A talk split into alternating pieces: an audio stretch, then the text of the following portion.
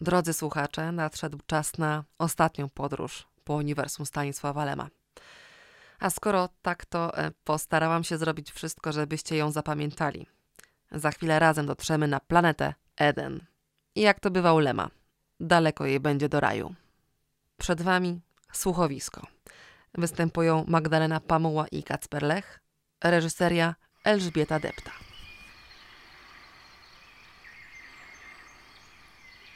A zasadziwszy ogród w Eden, na wschodzie, Pan Bóg umieścił tam człowieka, którego ulepił.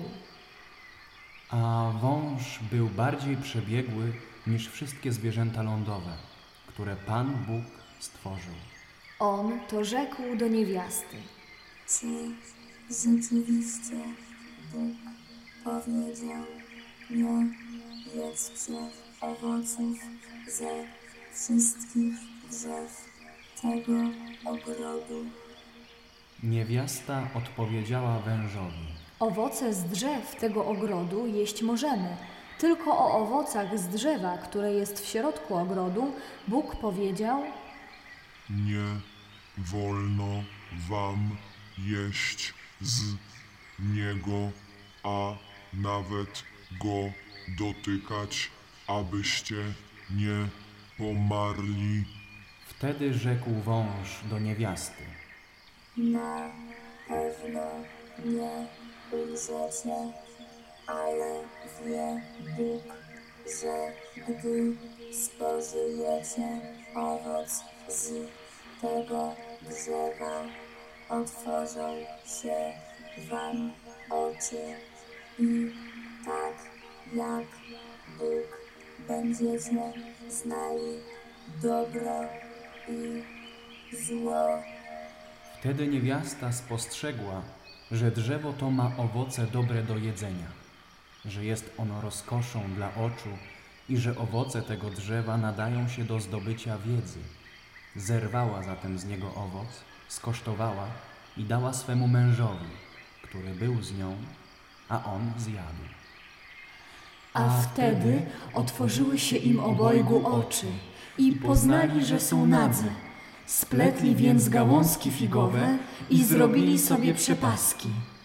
Gdy zaś mężczyzna i jego żona usłyszeli kroki Pana Boga przechadzającego się po ogrodzie w porze, kiedy był powiew wiatru, skryli się przed Panem Bogiem wśród drzew ogrodu. Pan Bóg zawołał na mężczyznę i zapytał go. Gdzie jesteś? Usłyszałem Twój głos w ogrodzie. Przestraszyłem się, bo jestem nagi. Ukryłem się. Kto ci powiedział, że jesteś nagi? Kto ci powiedział, że jesteś nagi? Kto ci powiedział, że jesteś nagi? Oto człowiek stał się taki jak my, zna dobro i zło. Niechaj teraz nie wyciągnie przypadkiem ręki, aby zerwać owoc także z drzewa życia, zjeść go i żyć na wieki. Dlatego Pan Bóg wydalił go z ogrodu Eden, aby uprawiał tę ziemię, z której został wzięty. Wygnawszy zaś człowieka, Bóg postawił przed ogrodem Eden cherubów i połyskujące ostrze miecza, aby strzec drogi do drzewa życia. In the galaxy far, far away. Za chwilę wylądujesz na planecie Eden. Odliczamy 10, 9, 8, 7, 6,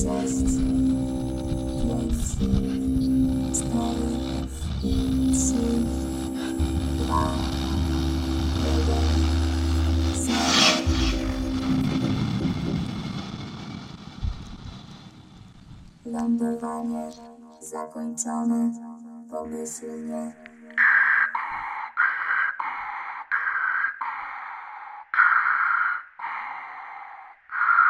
Udało się. Tym razem. Czekam, kiedy wreszcie i nas statystyka dopadnie. Mój drogi, oszukujemy statystykę już od bardzo dawna. Przez chwilę jeszcze trzęśli się w ciemnościach, nie mogąc uwierzyć, jaki przypadek sprawił, że żywi wylądowali na Edenie. Czy tu w ogóle ktoś kiedyś był? Nikt z ludzi. Aż po horyzont, nad którym błyskały pierwsze gwiazdy, rozpościerała się wielka równina. Gdzieniegdzie, w znacznym oddaleniu, wznosiły się jakieś niewyraźne, smukłe, podobne do drzew kształty. Poczuł się naraz nieswojo. Nie był to lęk, ale przytłaczające poczucie zagubienia, przeraźliwej obcości krajobrazu. Jesteśmy teraz. Tak, jesteśmy pod południowym biegunem galaktyki. Zaraz. Gdzieś powinien być krzyż południowy. Gwiazdy były jedyną rzeczą niezupełnie obcą nad tą martwą, pustą równiną. Tu jest tlen. To znaczy, że tu jest życie.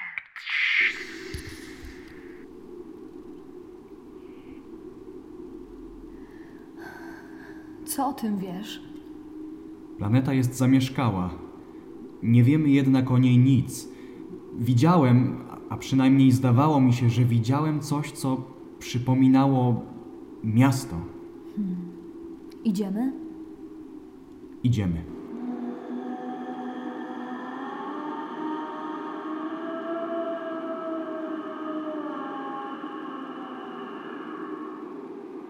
Uczucie czyjejś obecności towarzyszyło im od momentu wyjścia z rakiety. Nagle przystanęli. Zamarli, wpatrując się w jeden punkt. Co się stało? Tam! Tam ktoś był. Kto był? Nie wiem. Dalej, po prawej stronie ciemniały jakieś złachmanione zwaliska. Podeszli do gliniastego zwału, weszli na jego wierzch.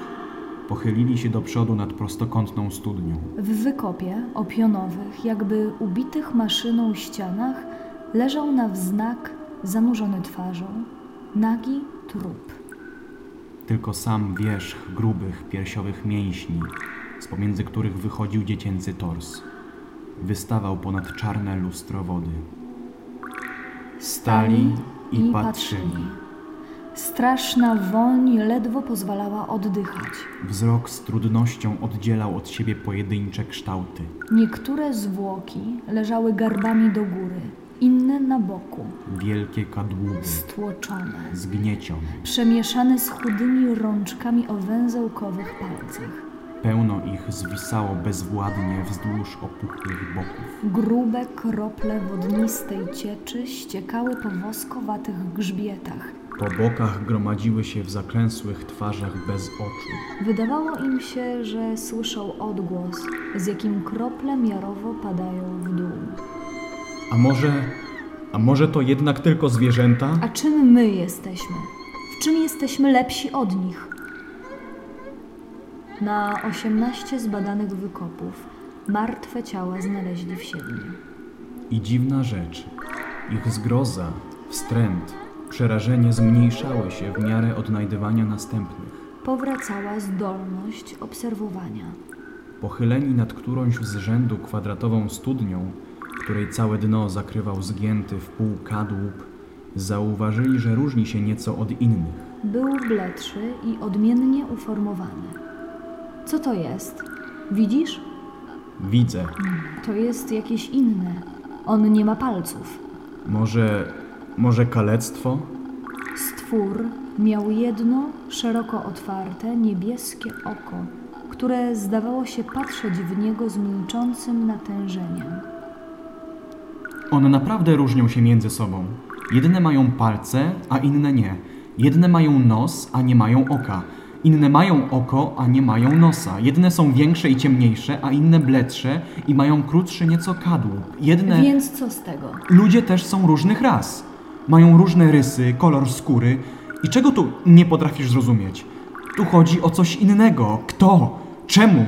Dlaczego robi te potworne jatki? Na wszystko, co się zdarzy, masz gotowy przywieziony z ziemi schemat. Jeżeli jakiś szczegół, jakiś fakt nie pasuje do niego, to go po prostu odrzucasz.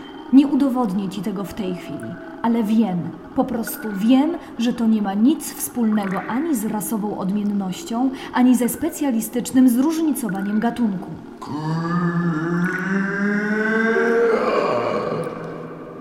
Natychmiast wracamy do bazy. Zaczęli uciekać. Po jakimś czasie dotarli do rakiety. To mógł być izolowany zakątek, w którym trzymają swoich chorych i dokonują na nich eksperymentów. To, co widziałeś, nazywasz eksperymentami? Nie oceniam tego moralnie. Jak mogę? Przecież nic nie wiemy. A te szkielety. Jesteśmy ludźmi. Kojarzymy i rozumujemy po ziemsku i wskutek tego możemy popełnić ciężkie błędy, przyjmując obce pozory za naszą prawdę, to znaczy układając pewne fakty w schematy przywiezione z ziemi. To może być grup ofiar masowego morderstwa, ale im dłużej myślę nad tym, ogarnia mnie przekonanie, że widzieliśmy coś zupełnie innego, aniżeli wydawało się nam, że widzimy. Te gliniaste wykopy naturalnie były okropne, ale. Ale co właściwie znaczyły? Groby? Tak to wyglądało. No a szkielety? Muzeum, Rzeźnia? kaplica, Wytwórnie eksponatów biologicznych? więzienie. Można myśleć o wszystkim, nawet o obozie koncentracyjnym. Ale nie spotkaliśmy tam nikogo, kto by nas chciał zatrzymać albo nawiązać z nami jakikolwiek kontakt. Nic takiego to chyba najbardziej niepojęte. Przynajmniej dla mnie. Cywilizacja planety bez wątpienia wysoka. Czy kontakty wysokich cywilizacji muszą się kończyć w taki sposób?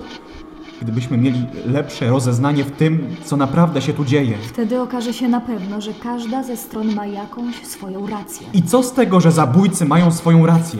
Nie będzie nam szło o ich rację, lecz o ocalenie. Ale co możemy im ofiarować prócz anihilatora? Powiedzmy, że zniszczymy pół planety, żeby wstrzymać te jakieś akcje eksterminacyjne i co dalej? Wszystko, co się tu dzieje, jest jednym z ogniw długotrwałego procesu historycznego. Myśl o pomocy wypływa z przekonania, że społeczeństwo dzieli się na dobrych i złych. Wcale nie, powiedz na prześladowanych i prześladujących. To nie jest to samo. Dobrze. Wyobraź sobie, że jakaś wysoko rozwinięta rasa przybywa na Ziemię w czasie wojen religijnych kilkaset lat temu i chce się wmieszać w konflikt po stronie słabych. W oparciu o swoją potęgę zakazuje palenia heretyków, prześladowania innowierców itd. Czy ty myślisz, że potrafiliby upowszechnić na Ziemi swój racjonalizm? Przecież prawie cała ludzkość była wtedy wierząca. Musieliby stopniowo wytłuc ją do ostatniego człowieka i zostaliby sami ze swoimi racjonalnymi ideałami. Jak to? Naprawdę uważasz, że żadna pomoc nie jest możliwa? Pomoc? Mój Boże, co znaczy pomoc? To, co się tu dzieje, co tu widzimy, to owoce określonej konstrukcji społecznej. Należałoby ją złamać i stworzyć nową, lepszą. Jakże my to mamy zrobić? Przecież to są istoty o innej fizjologii, psychologii, historii niż my. Nie możesz wcielić tu w życie modelu naszej cywilizacji. Musiałbyś nakreślić plan innej, która funkcjonowałaby dalej nawet po naszym odlocie. Ale, ale może ci prześladowani wiedzą, jak chcą żyć, tylko, tylko są jeszcze za słabi, aby to urzeczywistnić? A, a, a gdybyśmy tylko uratowali życie jakiejś grupie skazanych, byłoby to już wiele. Powtarzasz to, chociaż sam nie wierzysz. Nie chodzi o to, w co wierzę. Jeśli wiara jest gdzieś, szczególnie nie na miejscu, to tym miejscem jest właśnie Eden.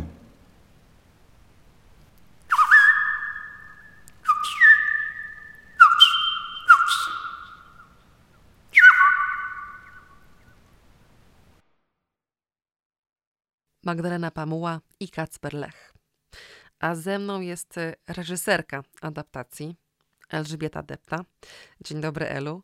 Tekst, który słyszeliśmy, powstał na potrzeby wydarzenia, które miało miejsce w maju w Lublinie, e, dziesięciolecia czytelni dramatu. Wszyscy wtedy pracowaliście na y, różnych y, dziełach Lema, a twój wybór padł właśnie na Eden. E, dlaczego? Tekst Edenu bardzo mnie zainteresował, ponieważ kilka lat wcześniej miałam okazję pracować nad spektaklem pod tytułem Solaris w Teatrze imienia Fredry w Gnieźnie. No i wtedy, e, no oczywiście pracowałam nad Solaris, który jest wspaniałym tekstem, ale czułam pewien niedosyt, bo przy tej okazji właśnie czytałam również inne teksty Lema, te bardziej mniej znane. I miałam mm, poczucie, że bardzo bym chciała, żeby ujrzały światło dzienne i chciałam je po prostu zaadaptować.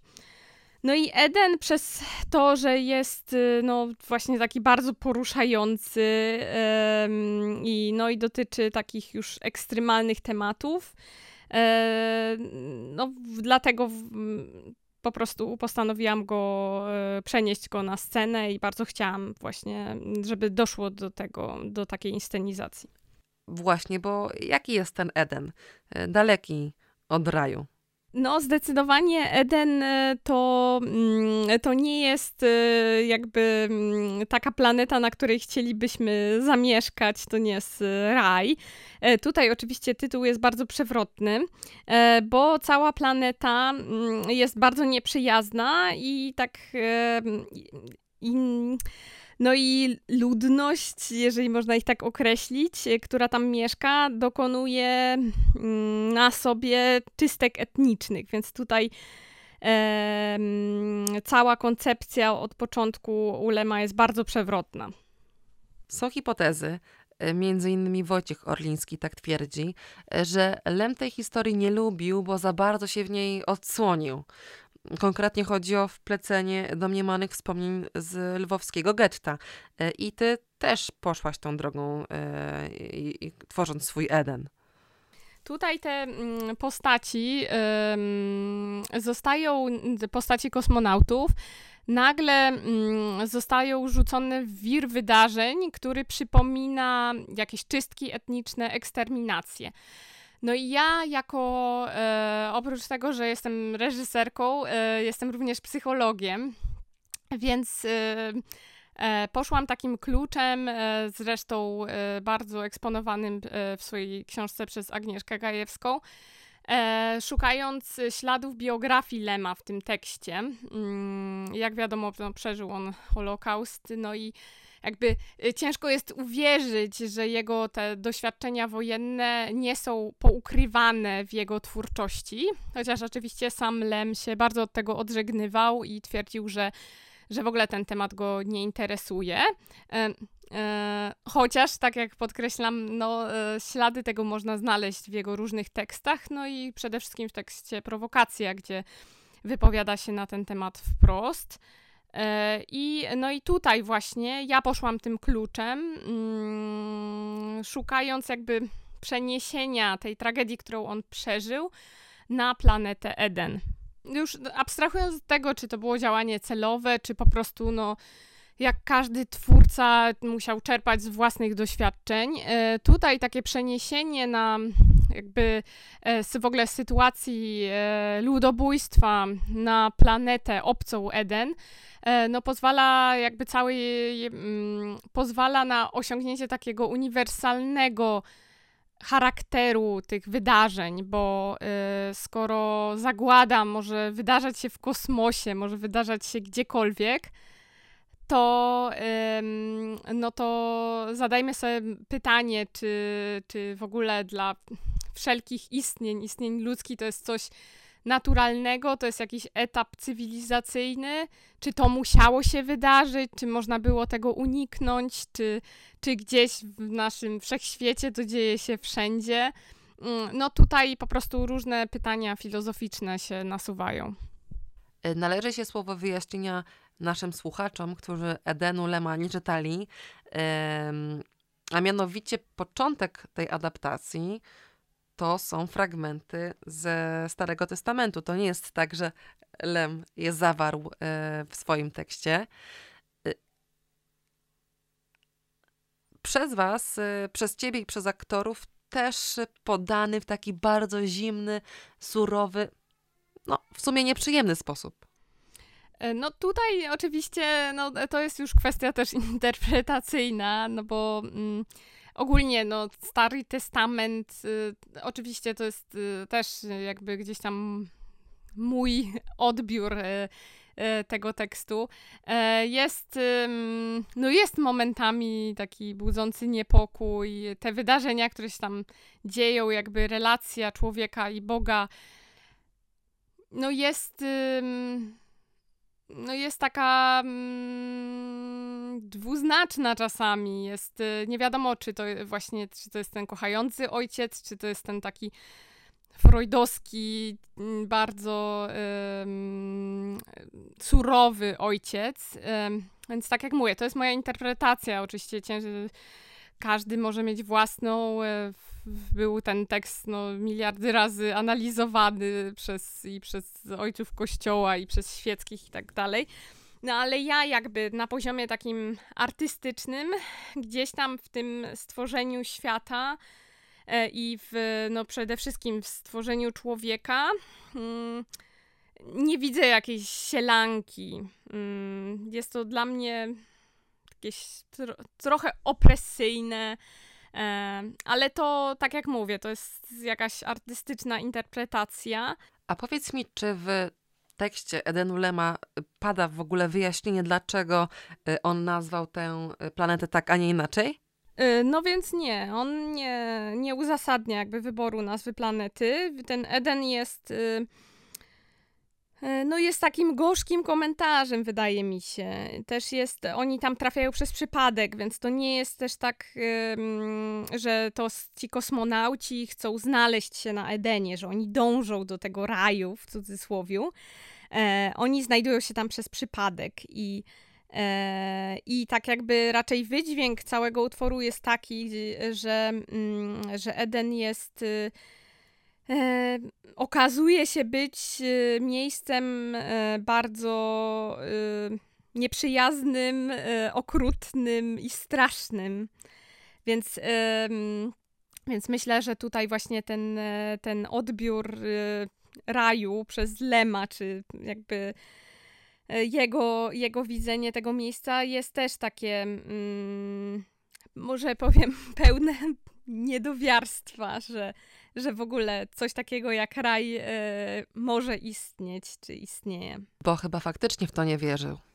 Tak, no Lem był ateistą tutaj, e, ale no właśnie chciałabym podkreślić, bo bardzo łatwo jest go wrzucić do worka, że ateista, ale no pamiętajmy, że to, że ktoś się deklaruje jako ateista, to nie oznacza, że nie ma refleksji na temat e, po prostu tego, czy mm, nie wiem, jak skąd e, wziął się nasz wszechświat i, e, i e, nie ma przeżyć duchowych wręcz, czy, mm, czy nie jest wrażliwy na ten temat. I wydaje mi się, że właśnie to Le, u Lema jest taki wielki paradoks, ponieważ czy właśnie w Solaris, gdzie zadaje on pytania o to, czy, czy Bóg istnieje, czy i zapytania padają tam wprost, czy, czy planeta Solaris mogłaby być Bogiem, ale jakimś nieudolnym, kalekim.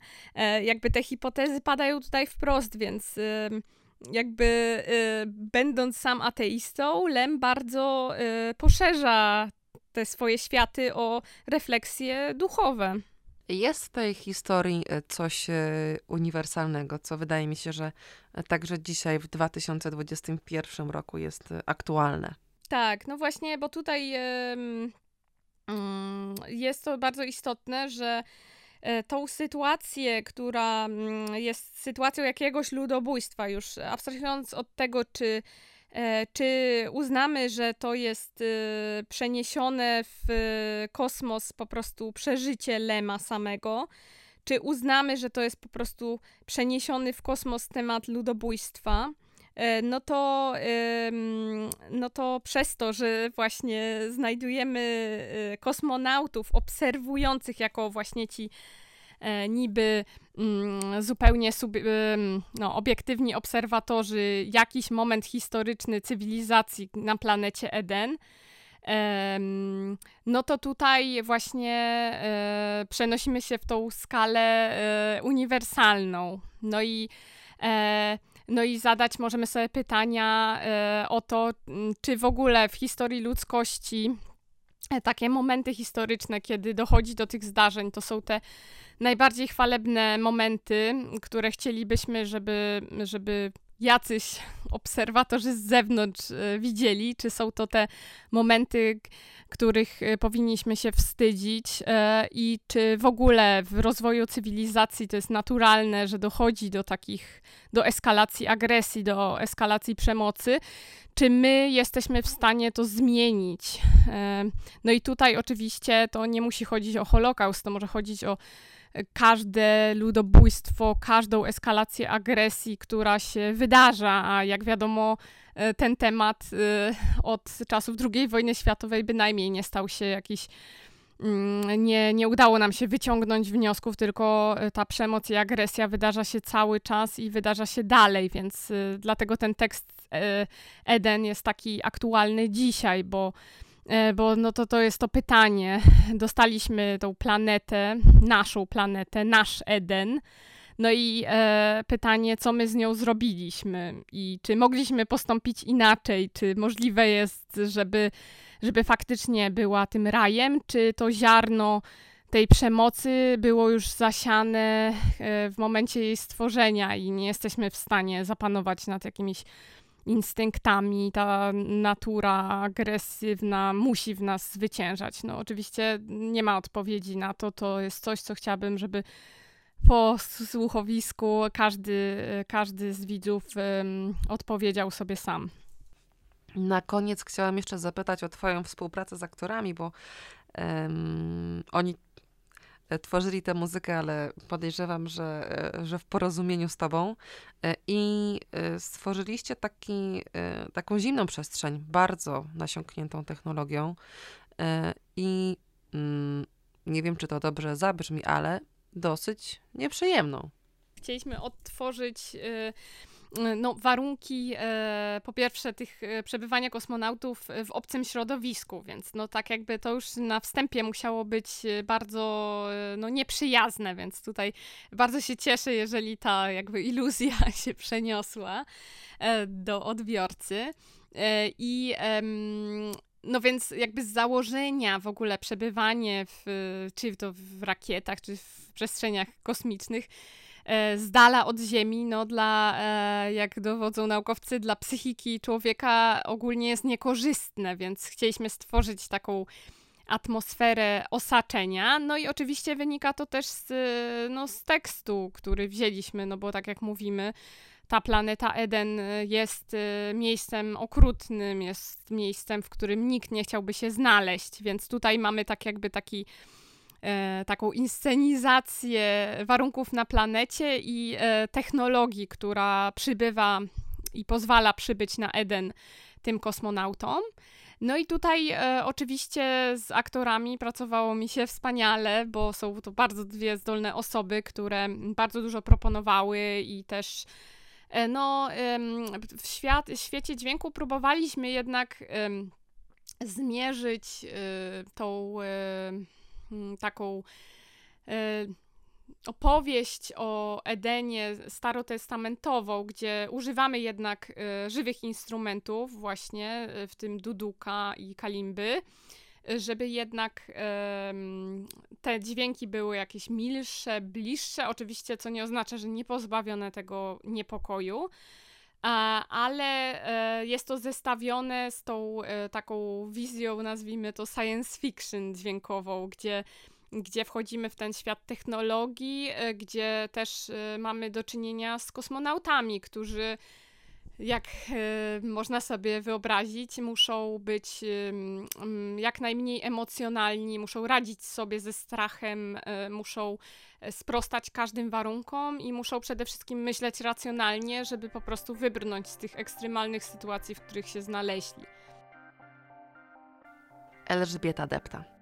I to by było na tyle. To już e, koniec tego projektu. Dziękuję Państwu bardzo za to, że słuchaliście. Dziękuję moim wszystkim e, rozmówcom. Dziękuję e, za wspaniałą muzykę Szczepanowi Pospieszalskiemu. Przypominam, że tego projektu by nie było, gdyby nie stypendium ministra kultury. I cóż, do usłyszenia.